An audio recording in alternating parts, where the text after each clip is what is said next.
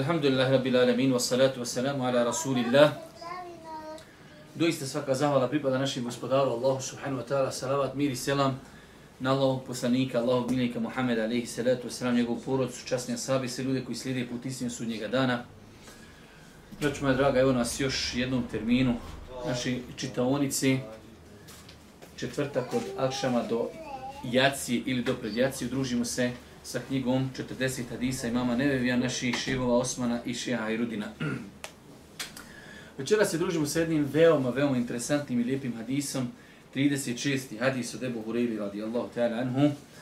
Stoji da je Allah poslanik ali se letu selam kazao ko otkloni od vjernika neku, ne, neku dunjalučku nevolju, Allah će od njega otkloniti neku od nevolja na sudnjem danu. Ovaj hadis vidjet ćete fokusiran je na jedan izuzetno lijep islamski metod, odnosno tezu, a to je da uzvišeni Allah subhanahu wa ta'ala ljude nagrađuje shodno dijelima koja radi. Pa nije ovdje reklo, nije rečeno u hadisu, ko pomogne vratu muslimanu, bit ćemo oprošteni grijesi. Znači, to su dvije različite stvari. Već kaže Allah poslanik ali se letu se nam, ko otkloni od vjernika neku dunjalučku nevolju, Allah će od njega otkloniti nevolju na sudnjem danu. Ti otklonio nevolju, uzvišen je Allah otklonio od tebe nevolju. Pa dosta puta u islamu, on će biti možda tri ili četiri ove teze, da je nagrada shodna dijelu. Allah te nagrađuje dijelu koje učiniš. To je prvo, prvo pravilo koje uzmemo večeras iz ovog hadisa, da uzvišen je Allah subhanahu wa ta'ala svojim robovima znači čini nagradu i nagrađuje shodno dijelu koji su oni učinili. Pa ovdje je prva teza i kaže Allah poslanik, ko od vjernika otkloni nedaću. Bilo kakva nedaća. Može to biti materijalna nedaća, može biti zdravstvena, može biti psihološka, može biti udar na njegovu čast. U svakom slučaju širok pojam. Ko otkloni nedaću od brata muslimana, uzvišeni Allah će otkloniti njemu nedaću na sudnjem danu. Prvo što znamo da je sudnji dan jedan veoma težak e, težak dan kroz koji će ljudi prolaziti, dan koji će trajati 50.000 godina, ljudi će u tom danu prolaziti kroz razno razne patnje i iskušenja. Ljudi će biti e, znači shodno grijesima u znoju, da će neko biti do članaka, neko do koljena, neko do struka, neko čak znači zauzdan svojim znojem, toliko je grijeha imao. Neko će u to vrijeme biti u hladu uzvišnog e, Allaha i njegovog arša, a nekome će uzvišeni Allah otkloniti njegove nedaće. Pa insan znači treba da se trudi na dunjaluku, da bude od ljudi koji su društveno korisni. I mi dosta puta kroz ova predavanja ciljano pokušavamo da protkamo ovu tezu da islam nije samo vjera i badeta, džamije, učenje Kur'ana, da je islam vjera koja mnogo, mnogo pažnje posvećuje među ljudskim odnosima. Pa ovdje vjernik bi shodno ovom hadisu trebao bukvalno da žudi, da se natječi, da čezne da nekom nešto pomogni. Zašto? Očekujući nagradu na sudnjem danu.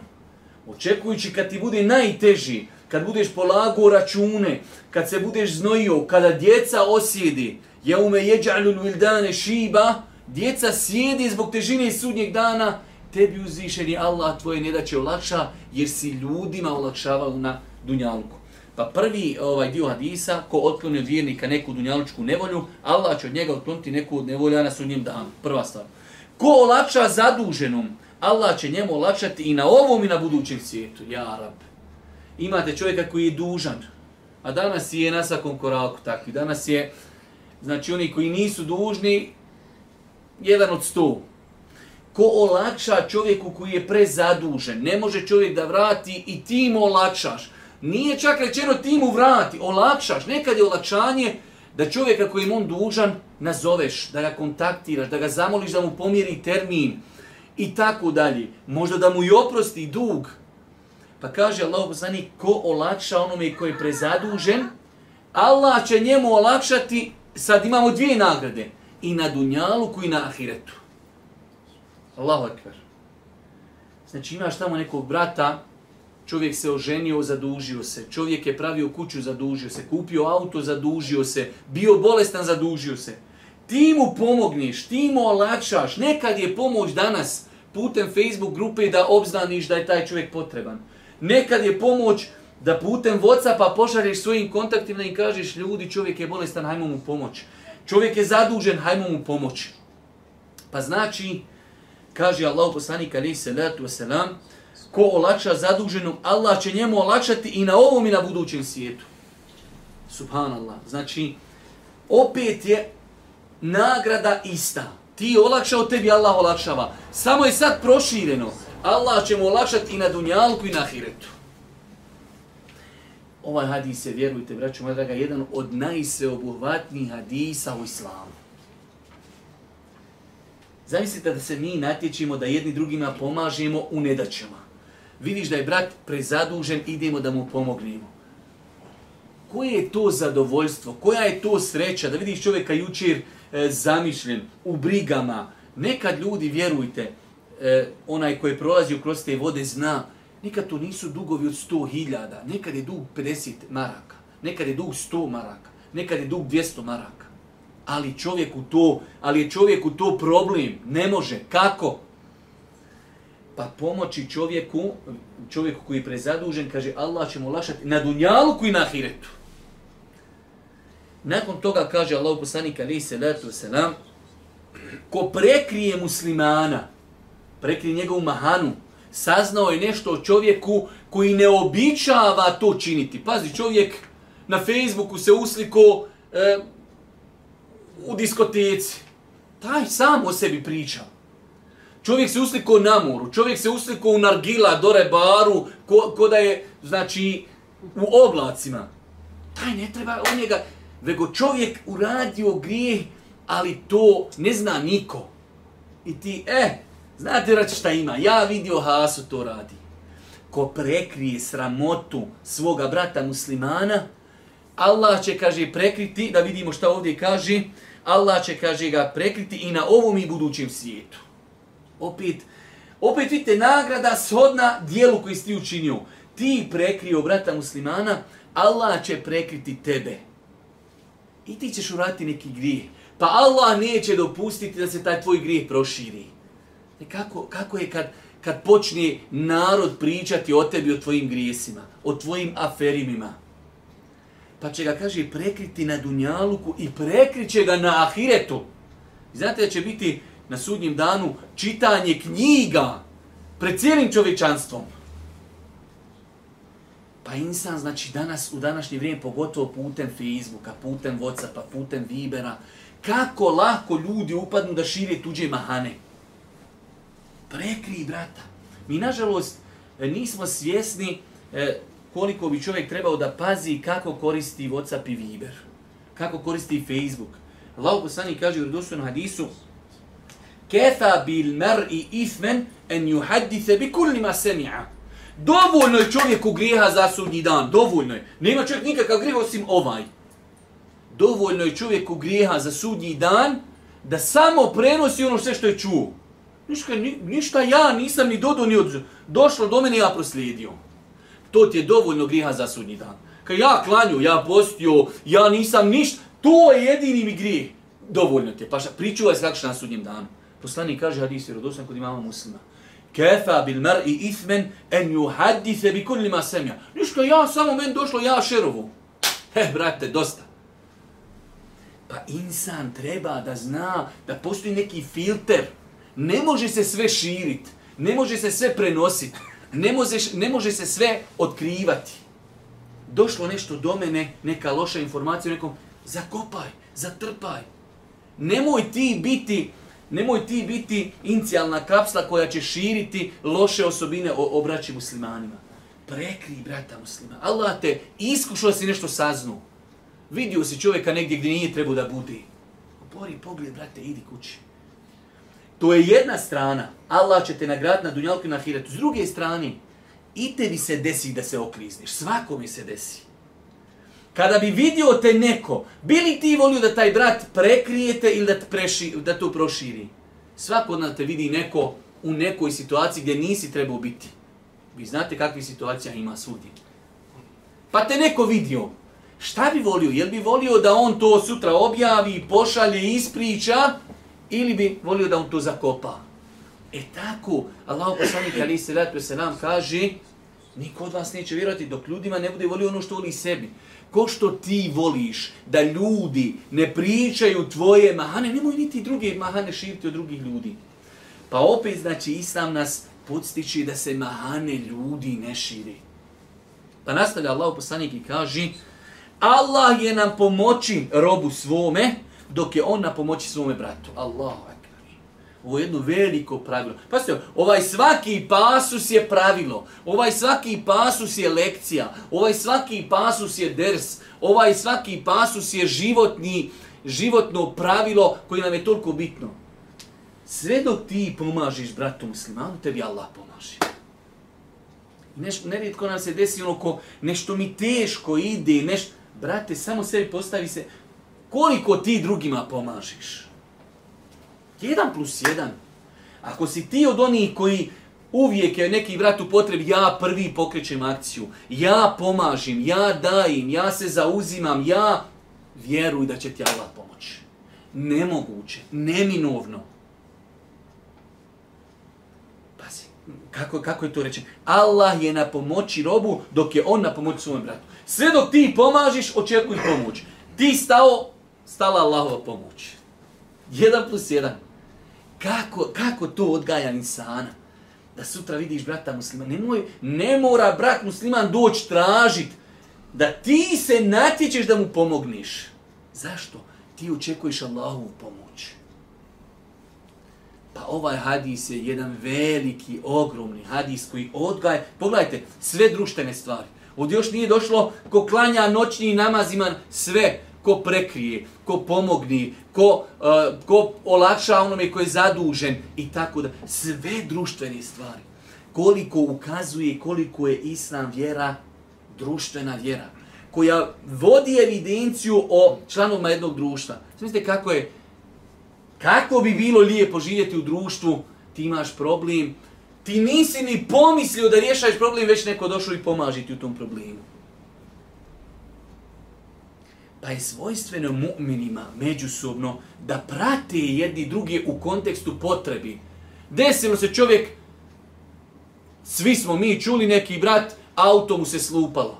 Brate, nema tu šta čekat, tu odmah, odmah idemo. Ljudi, čovjek je izgubio auto.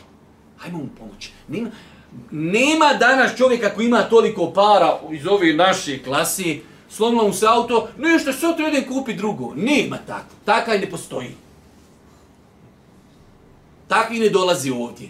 Takvi su na drugim mjestima. Brate, čovjek, razbolilo mu se dijete, treba neka operacija. Nemoj čeka da čovjek apel napiši.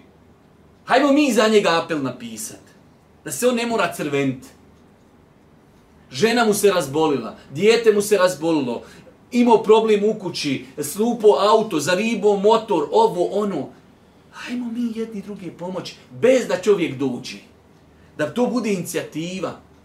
A sutra će neko bola nala, će tebe sutra tako iskuša, pa će neko drugi pokrenuti akciju da i ti ne moraš pokretati.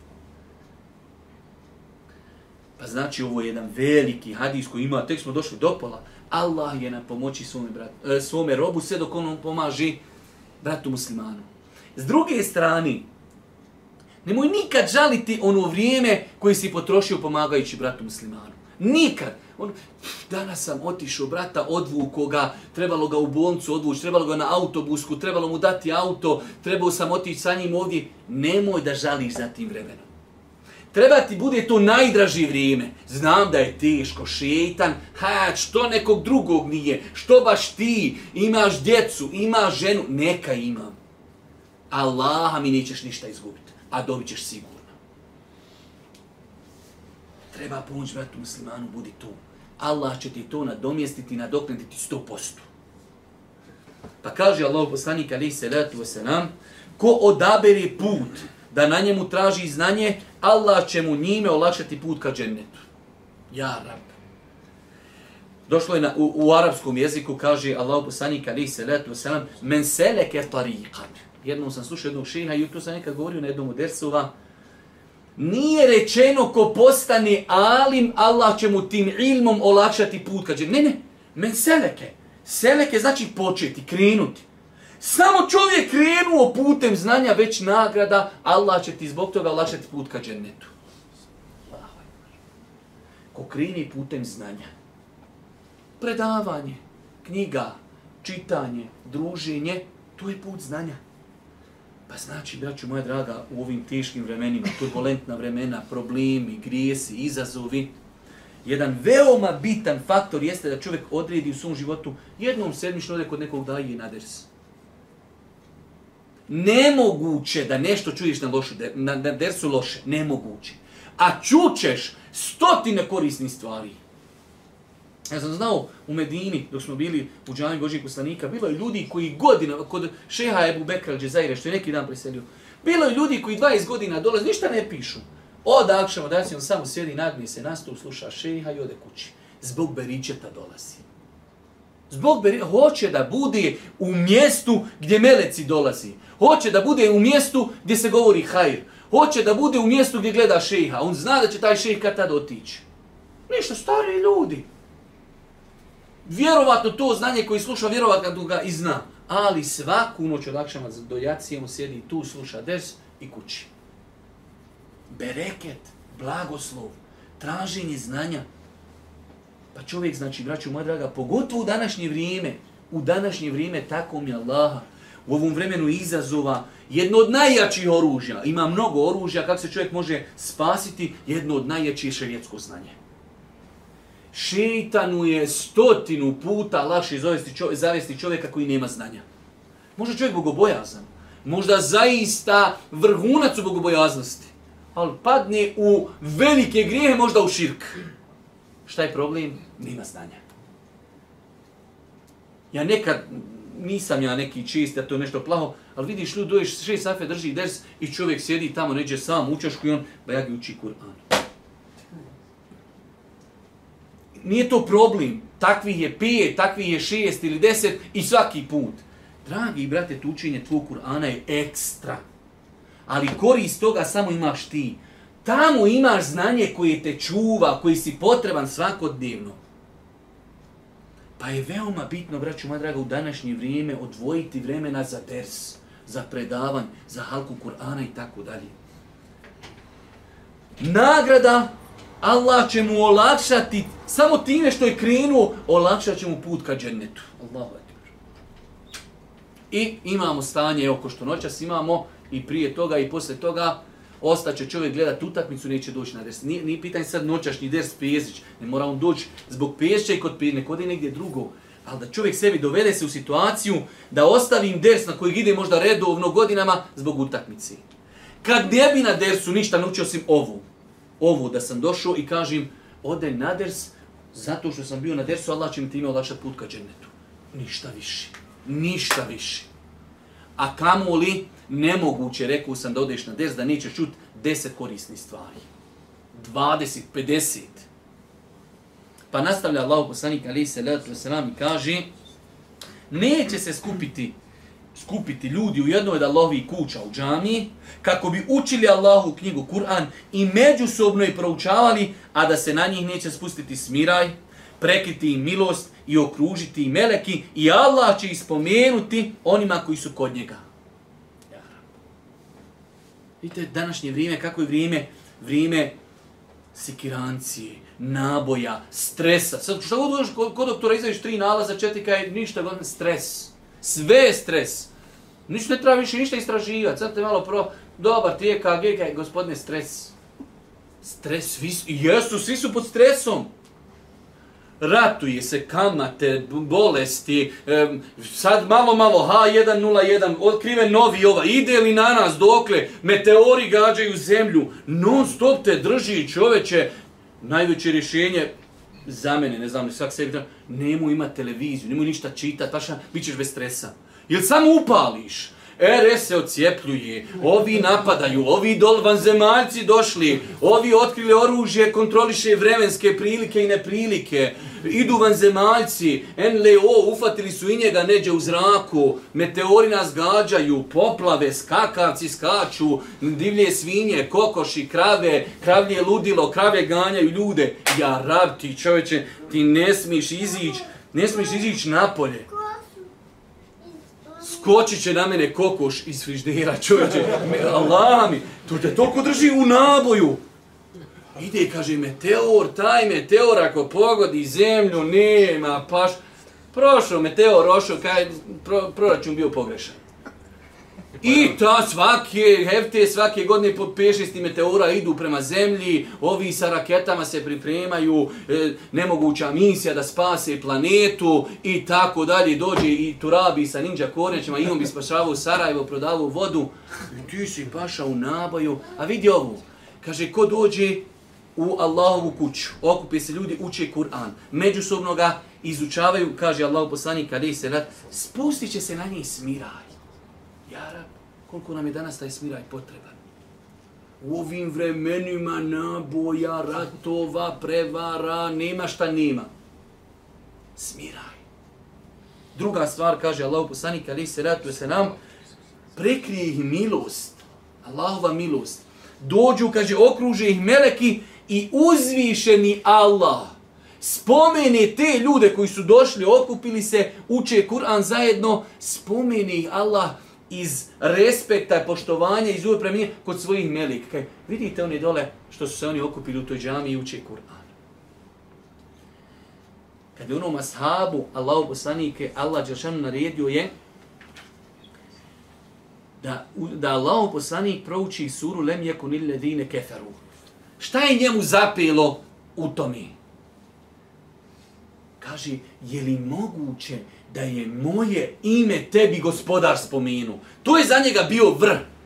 Kad njemu došao Boži poslanik kaže, Allah mi je naredio da tebi proučim lem jekun ili ledine keferu. Nije njemu bilo mnogo to što je došao poslanik pred njim da uči, to je veliko, ali njemu je drugo nešto zapilo. To kaže kad je tebi Allah naređivo, je li spomenuo uzvišeni gospodar moje ime? Jesam li ja na tom stepenu da moj gospodar izgovori moje ime? Ti dođeš u džami, učiš sa pet ljudi Kur'an i čitate tefsir ibn Kethira, uzvišeni Allah se pred melocima ponosi i kaže pogledajte ovih mojih robova. Ega ne, kaže, utakmica Liga šampiona igra. Ja, rab, ja, vallahi zato ja kažem dosta puta da te naše su duše toliko siromašne. Te naše duše su toliko gladne. To u dunjalučkom nekom, u dunjalučkom nekom, e, e, ajde kaj može, to je nemoguće pojasniti. To isto da ti neko kaže, odeš negdje na planinu i nađeš dragulje. Kako šta će im dragulje, ja ću fino ponijeti pjeska uđe, da trpa i ode kući. I žena, ženo ja našao pjeska. Jesi li Allah? Jesam. Ti izađi, gledaj ga što je dobar. A vau, dobro pjeska. Kaj našao sam dragulja, ali kaj nisam njih ponio, ja nama pijeska ponio. Nek si čovo, Allah te nagradio, haj molim te da te odvedemo dok si lud. Jesi sine učio zikrove, jesi li, jesi ograjso, čo da te vodimo kod Arifa, ti uči poludio čove, što nisi jedan dragulje. To ti mi imamo dragulje. Da te Allah spominje, idem ja spominjati, uta, idem ja gledat utakmice. Kakav pjesak, on je donio magli. On je donio magli, ženu magli sam na donio Strebevića. Našao sam dijamanat, albino i mrsko, ja sam nama magli donio. E to vam je gledanje utakmica naspram dolaska u džamiju i učenja Kur'ana. Pa kaže Allah poslanik ali se letu se nam koga na tom putu, a može i ovo bez na tom putu, koga uspori njegova djela u njegovom životu, neće ga ubrzati njegovo porijeklo. Sad jedno, nakon što je sve ove stvari Boži poslanik spomenuo, postavlja opet jedno veliko društveno pravilo. Nemoj se uzdati u porijeklo. Ja nam dosta puta ljudima nešto počneš ono malo pričati, ovjeri malo, kaškica. Hoj, kaj moj dedo je bio na hađu. Ma nemoj, reko, molim te. Jesi još kaže, u mene je dajđa Efendija, u mene je dedo Efendija bio. I? Pa to i, to je to, nema i, to je vrh, kraj. Dobro, paša, uče li oni sad sve do jomul kijami povući sa sobom u džennet? Pa da si poslanikova loza je Buleheb i ostali je Buđehlovi odošli u džehennem poslanikova rodbina čoveče. Dedo bio na hađu, ha, šta? Naša familija, mr i tamo dalje. I šta poslije? Ima li veće familije od familije Božih poslanika? Ko vjeruje u džennet, ko ne vjeruje u džehennem? Pa kaže Allah, poslije veliko pravilo za ljude koji se udaraju u prsa, bogatstvo, udaraju porijeklo, to je naša kaj starinska familija, ok, fino sve, ali to što si starinska familija ne klanjaš, ništa ti ne znaš. Čak šta više protiv tebe, odrastu si neđe će to trebao naučit. Od što nisi tog dede naučio. Meni su jednom, dok sam bio mlađi, iako ja sam tu davno stvarno prevazišao te neke rasprave, ali ono, ti mladalački dani, 96. 7. 5. Pa ono u džami treba, ami, ne treba, što klanjate, ne klanjaj tako, dede, gore, dole. Eh, rekao, ćemo li pod, kod dede? Klanjaš svaki ovak kako što je tvoj dedo klanju. Ne. Žena rekao, je ti pokrivena ako što je dedna bila pokrivena? Mm. Kremenadlu progutaže. Šta se, na de, dedo, dedo, dedo, onda će ti paši, a onda će dedo, ha, jel dedo loko rakiju? Jo, dedo išao nađe, ti išao, uh, i tako dalje. Ko dede, reko tvog, znam ti ko ti je dedo. Nije se mogla staviti večer dok svi akšam ne klanju. Klanjal se ko tebe, reko tako akšam. Da, glumimo, dedo, dedo. Pa insan znači porijeklo ništa ne znači ako nisi pokoran. Pokoran i prorijeklo ekstra. Nuru ala nur. Što bi rekli u onom žargonu kladiončkom, kec na deset. Ali paša, dedo, dedo, dedo, kuda je dedo klanio za 50 članova u budućnosti poroci koji će doći. On se jadnik snalazio za sebe. Pa jedno veliko pravilo, koga uspori njegova dijela, neće ga ubrzati njegovo porijeklo. Mi smo već dobro, dobro produžili e, sa ovim, kak se zove, ja sam bio planirao da pročitamo e, ove pojašnjenje riječi, ali ne, nećemo moći stići. U svakom slučaju, poruke hadisa.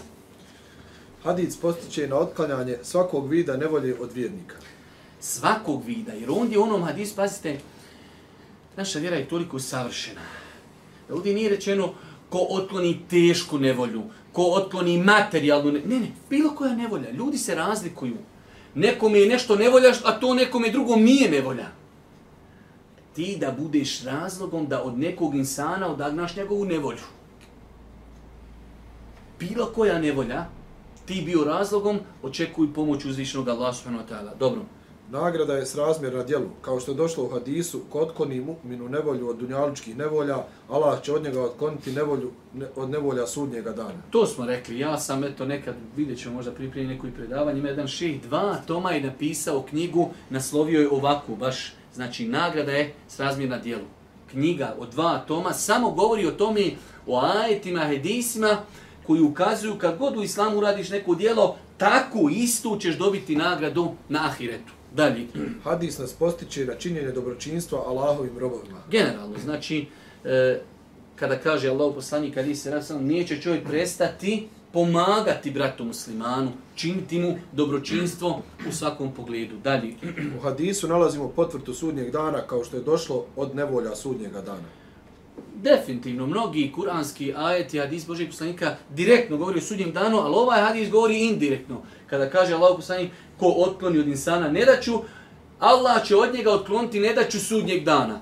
Ovdje nije došao sudnji dan spomenut ciljano, prvenstveno, ali indirektno spomenut sama činjenica to nas u, u, u, upućuje u pravcu da vjerujemo u sudnji dan, jer će Allah Đelšan na sudnjem danu otkloniti od insana te ne da će. Dobro. Na sudnjem danu bit će velike nevolje. Rekao je uzvišeni Allah, a bit će to mučan dan za nevjernike. Također je rekao, i netremice gledajući u glasnika i žureći, nevjernici će govoriti, ovo je težak dan. S tim da će mu'minu biti lahko. Pomenuta lahkoća između mu'mina razlikovat će za shodno imanu i dobrim djelima. Generalno, znači, što su nam ovi šehovi spomenuli ovu čincu, sudnji dan je veoma težak dan, E sad imamo mogućnost da uradimo neka dijela da bi sebi olakšali u težinu tog sudnjeg dana. Pa insan treba već na dunjaluku da se priprema da dijelo kada radi, radi ga radi Allaha očekujući nagradu sudnjeg dana. Dalje. Jedno od imena sudnjeg dana je i kijamet, jer će tada ustati ljudi svojih kaburova i stati pred gospodara svih svjetova. I tada će se uspostaviti jukam, to jest potvrda, pravda i ustati svjedoci da svjedoči. Ništa, ovo je čisto jedna konstatacija, znači da sudnji dan ima mnogo imena, čak jedan naš student je tijelo pisati magistarski rad, samo desertaciju imena sudnjeg dana. Znači, svakako u arapskom jeziku, svaka stvar koja ima mnogo imena, to ukazuje na njenu bitnost. Pa i sudnji dan ima dosta imena koja su potvrđena Kur'anom, neka su potvrđena sunnetom, znači to ukazuje na bitnost te tematike. Dalje. Hadis ukazuje na to da su muslimani jedno tijelo. Generalno, znači nema sad negdje da je to uzeto iz hadisa, već generalno ovaj sav hadis, znači ako mi pomažemo jednim drugima u nevoljama, prekrivamo jednim drugima mahane, e, e, ako je čovjek zadužen, pomažemo mu i tako dalje, to nam sve ukazuje da bi muslimani trebali da budu kao jedno tijelo, a to se direktno uzima iz onog hadisa da je Boži poslanik rekao muslimani su primjer muslimana i primjer jednog tijela, ali znači ovaj hadis opet kada ga uzmemo kompletno ukazuje na to da je muslimansko društvo, društvo znači poput jednog tijela. Okay. U njemu je podsticaj na olakšavanje onome koji je u poteškoći, jer će se zbog toga olakšati njemu na dunjalku i ahiretu. Jasno, deset. Al, a, olakšavanje onome koji je u poteškoći sadrži u sebi dvije nagrade. Nagradu na dunjalku i nagradu na ahiretu. Znači čovjek kad olakša nekom, ima nagradu dunjalučku, ima nagradu ahiretsku. Dalje. U hadisu je podsticaj na prekrivanje i skrivanje mahane muslimana pod uvjetom da je u tome dobro i korist. To je ono što smo govorili. Znači, dosta puta učenjaci kad ovaj hadis komentarišu, spominju činjenicu, znači tu klauzulu, da se prekrivaju mahane ljudi koji nisu prepoznatljivi u narodu potom i znači jednostavno, evo da kajemo, šetan ga jednom prevario da uradi grije. Ali čovjek koji radi to konstantno, poznat je potom i Opet to je sad jedna druga kompletna tema kada se može pričati o čovjeku i njegovim grijesima, kada to više nije gibet, kada je veća korist, kada je e, veća šteta, ali u svakom slučaju ako je neko prepoznatljiv po nečemu, mogo bi neko nastradati od tih njegovih navika, onda nema smetnje da se ukaže na tog insana i na njegove propiste. Hadis jasno kaže da kad god vjernik pomogne svoga brata vjernika, Allah će njega pomoći. O tome smo govorili, znači jasno, dok god čovjek pomaže bratu muslimanu, uzvišeni Allah će pomagati njemu. Mi imamo nekad problem, znate kako, nekad ljudi kroz dovu.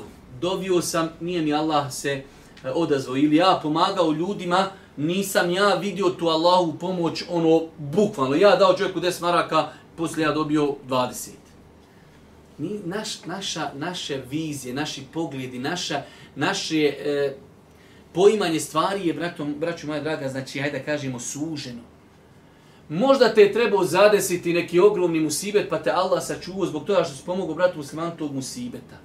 Možda tvoje dijete je trebalo zadesiti neki veliki musibet, pa te Allah sačuvao sa toga. Možda ti je podario zdravlje, a vi vidite kolika je blagoda zdravlje. Možda ti je podario harmoniju u braku zato što si nekom je po... i tako dalje. Pa ti ne, možda ti je podario slastu i badetu. Allaha mi sve višnji. Ne treba ti veća pomoć od Allaha da ti Allah e, otvori srce da osjetiš slasti badeta.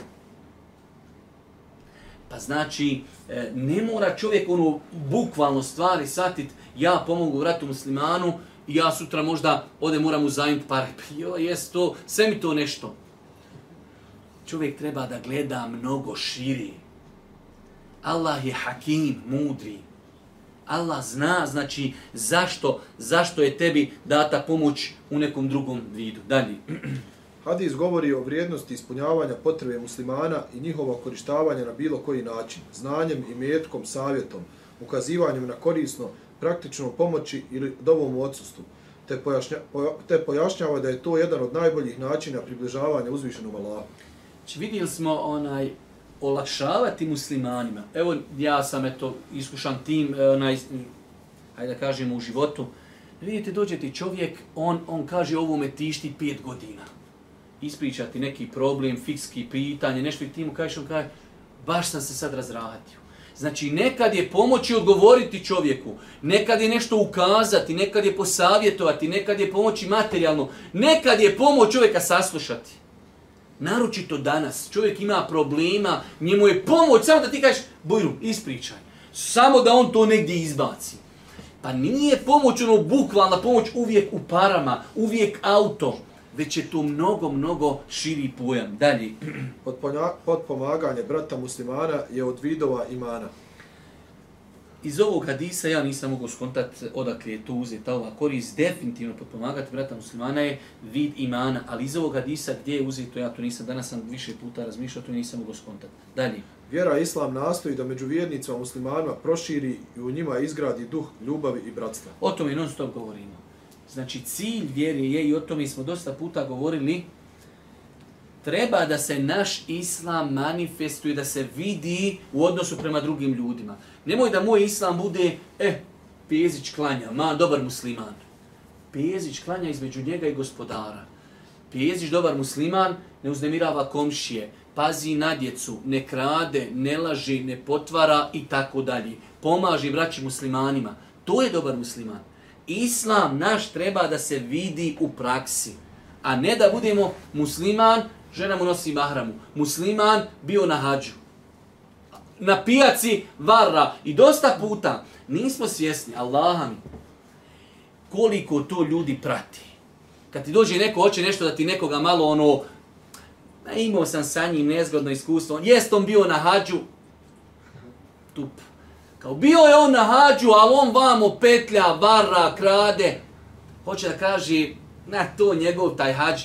Insan ako već pokazuje vanštinom taj islam na namazu, žena nosi mahramu, obavlja namaz, bio na hađu, onda treba da znaš da si ti u jednu ruku uzor ljudima. To je neispravno. Neispravno da ljudi gledaju islam kroz tebe. Ali je tako, ljudi gledaju. Pa onda treba da se trudimo da na najljepši način ljudima prezentujemo islam. Dalje. U hadisu se vidi Allahova potpuna pravda jer je nagradu učinio s razmjernom učinjenom djelom. Pravda. Ti si olakšao muslimanu, Allah će tebi olakšati. Ti prekri muslimana, Allah će prekriti tebe. I tako dalje. Apsolutna pravda. Dalje. U hadisu je podsticanje na pridržavanje puta koji vodi sticanju šerijatskog znanja te pojašnjenje da je to jedan od razloga ulaska u džennet. Definitivno. Hadis jasno kaže, ko kreni putem sticanja znanja, Allah će mu tim putem olakšati put u džennet. Šta je to osim podstrijek da čovjek kreni putem znanja? Okay. Hadis ukazuje na obaveznost ispravnog nijeta kod traženja znanja, kao što je došlo u hadisu, traži šerijatsko znanje. I ovo nisam mogu danas shvatiti gdje hadis ukazuje na obaveznost ispravnog nijeta kod traženja znanja. Hadis definitivno ukazuje da treba tražiti znanje E, i tražiti znanje treba sa ispravnim nijetom. Ali hadis da na to ukazuje, ja to nisam skonto. Vjerovatno je problem u meni. Dalje, 19. Hadis ukazuje na vrijednost putovanja u cilju sticanja znanja. Definitivno. Nekada čovjek ne može naći znanje koje mu je potrebno blizu. Samim tim treba da otputuje, treba da se pokrene, svakako da to potpada pod pojam, krenuje čovjek putem stjecanja znanja čovjek krenuo na negdje na predavanje ili da nekog obiđe insana gdje će ga nešto pitati, to je put sticanja znanja. Dalje. Put koji vodi sticanju znanja obuhvata put u pravom smislu. To jest put kojim se hodi. I također put u prenesenom značenju, to jest put kojeg shvati razum. Dobro, idemo dalje, jasno. Inšala. Sve stvari su u Allahovim rukama, kao što je došlo u hadisu, Allah će mu olakšati. Dalje, jasno. Hadis poziva na traženje halki na kojima se izučava Allahova knjiga. Spominje Allah i stiče korisno šarijatsko znanje. Definitivno, vidjeli smo, imamo hadis, znači u hadisu ima ko krenje putem šarijetskog znanja, samim tim to iziskuje da čovjek traži, da pita gdje u ovom gradu, selio sam u grad neki, jedno od stvari, dobro, gdje je apoteka, gdje je automehančar, gdje je vulkanizir, gdje ovdje imaju dersovi, gdje ovdje imaju predavanja, da mogu da idem, da napredujem. Pa znači, e, kako smo rekli da ova korist, hadis poziva na traženje, na traženje halki, hadis definitivno, znači, kad je preporučeno, onda to iz toga proizilazi da čovjek traži mjesta kako bi postigao ovu korist. Dalje. Hadis podsjeća na vrijednost Allahove knjige, jer se ovakve nagrade ne spominju za izučavanje bilo koje druge knjige. Podstiče na izučavanje Kur'ana, onog momenta kada budemo izučavali zajednički Kur'an, imat ćemo ove nagrade i to ne postoji ni za jednu drugu knjigu osim za Kur'an. Dalje. Sve nas to podstiče da veliku pažnju posvetimo Allahovoj knjizi. Dalje. Učenje i izučavanje Kur'ana doprinosi smirenosti i milostivosti, te prisutnost meleka u blizini onoga koji uči Kur'an. Dalje dodavanje mešćida Allahu, Allahu riječima Allahu i mešćidi, vid je počasti jer se u njima obavljaju različiti vidovi i badeta. Ovo je jedna korist, nako indirektna korist. U hadisu je došlo kada se okupe u nekoj od Allahovih kuća, Allahovih džamija, pa nije rečeno džamija, već Allahova kuća, pripisivanje nečega Allahu ukazuje na počasti stvari. Dalje. Hadis jasno postiče na okupljanje u džamijama radi učenja i izučavanja Kur'ana, kao i traženja šarijatskog znanja. Dalje. Naprotiv, spomenute nagrade se ne postiču osim kada se okupe ljudi u džami radi učenja i izučavanja Allahove knjige. Dalje. Allahova milost obuhvata osobe koje se iskupe radi izučavanja Allahove knjige. Sve jasno. Smiraj silazi na osobe koje se iskupe radi izučavanja Allahove knjige. Pojasnili. Meleki okružuju osobe koje se iskupe radi izučavanja Allahove knjige. 33. Allah spomene osobe koje se iskupe radi izučavanja Allahove knjige onima koji su kod njega. Dalje. U hadisu je potvrda postojanja meleka, te pojašnjenje da među njima ima jedna vrsta meleka koja traži skupove zikra. Opet sve su ovo, pazite, islamski učenjaci tako pristupaju kada komentarišu određeni hadis, bilo koja korist. Dok ovdje kaže Allah poslanik ali se ratu selam, pa dođu meleki, natkriju ih krilima ili tako, znači to ukazuje da u islamu mi vjerujemo u meleke. Svakako vjerovanje u meleke ostavlja velikog traga na insana. Sastavni dio imana je vjerovanje u meleke. Ovaj hadis nije o njemu došlo kao što je došlo u hadisu Džibrila, šta je šta su imanski šarti pa da vjeruješ u meleke. U ovom hadisu nije tako došlo, ali indirektno sama činjenica dok se meleki spominju, to potvrđuje da meleki u islamu postoji. Dalje. U hadisu je vidljivo podčinjavanje meleka sinovima Adema, kao što je došlo okruže ih meleci. Ja sam bio skunto to preskočiš, ali to 37. Allah nagrađuje svoje robove shodno njihovim djelima. Više puta pojasnili. Rod i ugledno porijeklo neće pomoći osobi ako nema dobrih dijela. Govorili smo, braću moja draga, dosta oko toga i nećemo se mnogo zadržavati, ali ovdje ovo možemo povezati sa onom činjenicom ja vjerujem, a ništa ne radim. Isto je ovo, ja imam porijeklo, ali ništa ne radim. Zato u Kur'anu stoji amenu u amilu salih, vjeru, vjeruju i radi dobra djela. Isto ovdje, ugledan rod, ništa, porijeklo, znači poslanička loza, ništa čovjeku ne pomaži. Da je ikom pomogla, pomogla bi komi, amiđi Božih poslanika. Amidža, najbliži insan, Allah poslanik kaže reci la ilaha illa, nije rekao la ilaha illa. Tako da insan, znači, e, vjerujem, ne radim, ne klanjam, ne postim. E, moje porijeklo, ali ne klanjam, ne postim. Sve su to, znači, vjerujte, ništa drugo do šeitanske zamke. Dalje. Naprotiv, ugled i visok položaj postiže se dobrim djelima. Dalje, da. Ljudi se kod Allaha vrednuju po bogobojaznosti i dobrim djelima, a ne po svom porijeklu kao što je to slučaj kod ljudi. Osnova je ovog, znači da je to jedan, tefs, jedan vid tefsira, oni riječi uzvišnog Allahu suri Huđurat, inne ekramekum inda Allahi etkakum. Kod Allaha najčestiti, najpobožniji, najbolji su oni koji ga se najviše boji. To je glavno pravilo kako se ljudi vrednuju kod uzvišnog Allaha. Porijeklo nakon ovoga dolazi. Čovjek bogobojazan, čovjek e, vjernik i nakon toga iz ugledne porodci ekstra. Ali samo iz ugledne porodice, bez imana, bez dijela, bez namaza, ništa ne znači. Hadis nas time upozorava na, hvalisa, na hvalisanje svojim porijeklom. Upozorava da čovjek ne treba to činiti jer nema od toga nikakve koristi. Osoba ne treba da se zavarava rodom i porijeklom, da se oslani na porijeklo i nada, na, i, I nada. i nada nagradi zbog toga, već treba da radi dobra djela. Ne treba čovjek da se zavarava. Vjerujte u današnje vrijeme koliko imate osoba, kada vidite ono, imate te neke stare porodice ili nekada, da li su to porodice koji su određenim e, strankama, zaista. Pa ta stranka, dr, ta osoba i njegova familija drže tu stranku. Ništa to ne znači. Ili ulemanska porodica, ili trgovačka porodica, ili ništa to ne znači. Inne kramekum inda Allahi etkakum kod Allaha su najbolji. Znate na hadis koji smo navodili kada je Boži poslanik za mnom rekao, ova je bolji od onog malo prije kada bi se puna zemlja, zemaljska kugla stavila. Dalje. Ali radi Allah rekao je, Islam je uzdigao Selmana Čazijanca dok je, dok je mnogoboštvo ponizlo ugrednog Ebu Leheba. Iman i dobra djela su razlog ulaska u dženet i postizanja visokih stepena kod uzvišenog Allaha.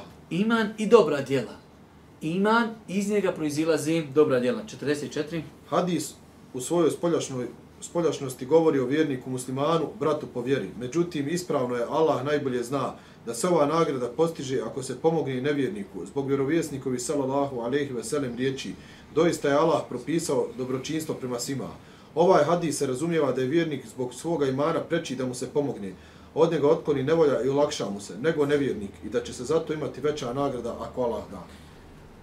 Znači ovdje kada je došla ova klauzula u, na početku hadisa, ko olakša vjerniku, ko prekrije vjernika i tako dalje, sve ono što ima ko olakša e, čovjeku zaduženom, po ovom stavu, znači koji su nas spomenuli ovi naši šihovi, prvenstveno se odnosi na vjernika, ali opet u kontekstu drugih argumenata u islamu koji smo mi dosta puta spominjali, znači da je naređeno generalno čovjek čini dobročinstvo, svakako da čovjek bez ovog hadisa ili s drugim hadisima, definitivno kada čovjek ima da lijep odnos prema nemuslimanima, pomogne čovjeku nemuslim, čovjek nemusliman u nevolji.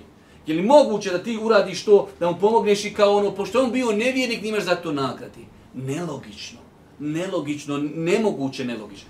Čovjek nevjernik ima problema, ne može vratiti dug. I ti mu olakšaš, pomogneš mu neki od načina. Je li moguće da vjera, kaj, ako muslimanu pomogneš, imaš se, pomogneš ne muslimanu, nećeš imati seba? Nemoguće.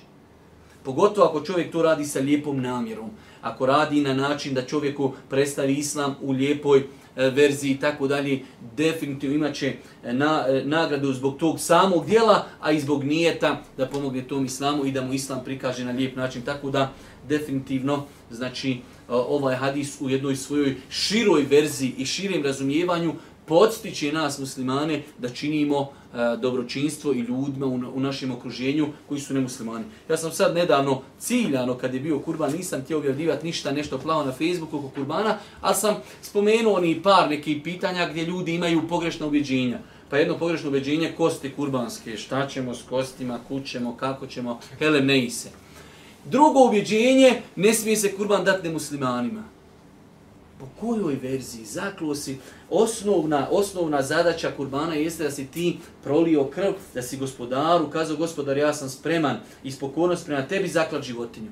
Sad meso, gotovo, to obično meso, obično, to be jarabi, isto koji drugo, zaklo si kravu i prodao si nešto mesa i imaš li pravo odjet pola kile komši koji ne musliman. Zašto da ne? Isto i kurban. Zašto ne bi čovjek mogao odnijeti e, nemuslimanu? ali to je nekim ljudima, hao, joj, šta si sad ovo ti lupio, ovo nikad niko na planeti nije rekao, ovo je sad nova vehabijska vjera, eto i kurbani se mo, hoće li oni kaj satim pita alkohol, e, neka ne, nek se kaj dobro zamezi kaj tim što ti viće da nosi kurban, nek se dobro zamezi ta. Ja, rab reko, to je šeitan, došapno šeitanu, pa on svom i ovaj osmi tebi nakon tog fabriciranja, to su oni tebi rekli da ti to lupiš. Brate, dadni čovjek u kurban i selam aliku. Pa znači, vraću moja draga, insan treba, treba da uči svoju vjeru. E, svakako nas naša vjera uči da činimo dobročinstvo muslimanima, da se potpomaž, da budemo kao jedno tijelo, a isto tako naša vjera, vjera nas uči da činimo dobročinstvo onim nevjernicima koji nisu ratoborni protiv muslimana, koji žive u našem društvu, u tome nema ništa loše, čak što više insan će biti sigurno, sigurno zato nagrađen. Molim uzvišan Allah da nas učiti na putu istini, molim ga svojano tala da nam budim milostiv na sudnjem danu, da nam istinu pokaže istinu i omili njeno sljeđenje, da nam neistinu prekaže, prikaže neistinu i da nam omrazi njeno sljeđenje. Subhanik Allahum ilhamdike, hamdike, ješedu in la ilaha ilan stakfirke ve tubu ilik.